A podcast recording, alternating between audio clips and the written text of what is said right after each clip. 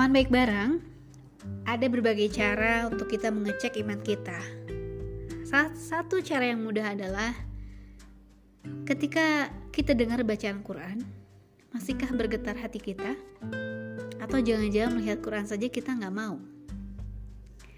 Sesungguhnya, orang-orang yang beriman ialah mereka yang bila disebut nama Allah, gemetarlah hati mereka. Dan apabila dibacakan ayat-ayat Allah, bertambahlah iman mereka karenanya.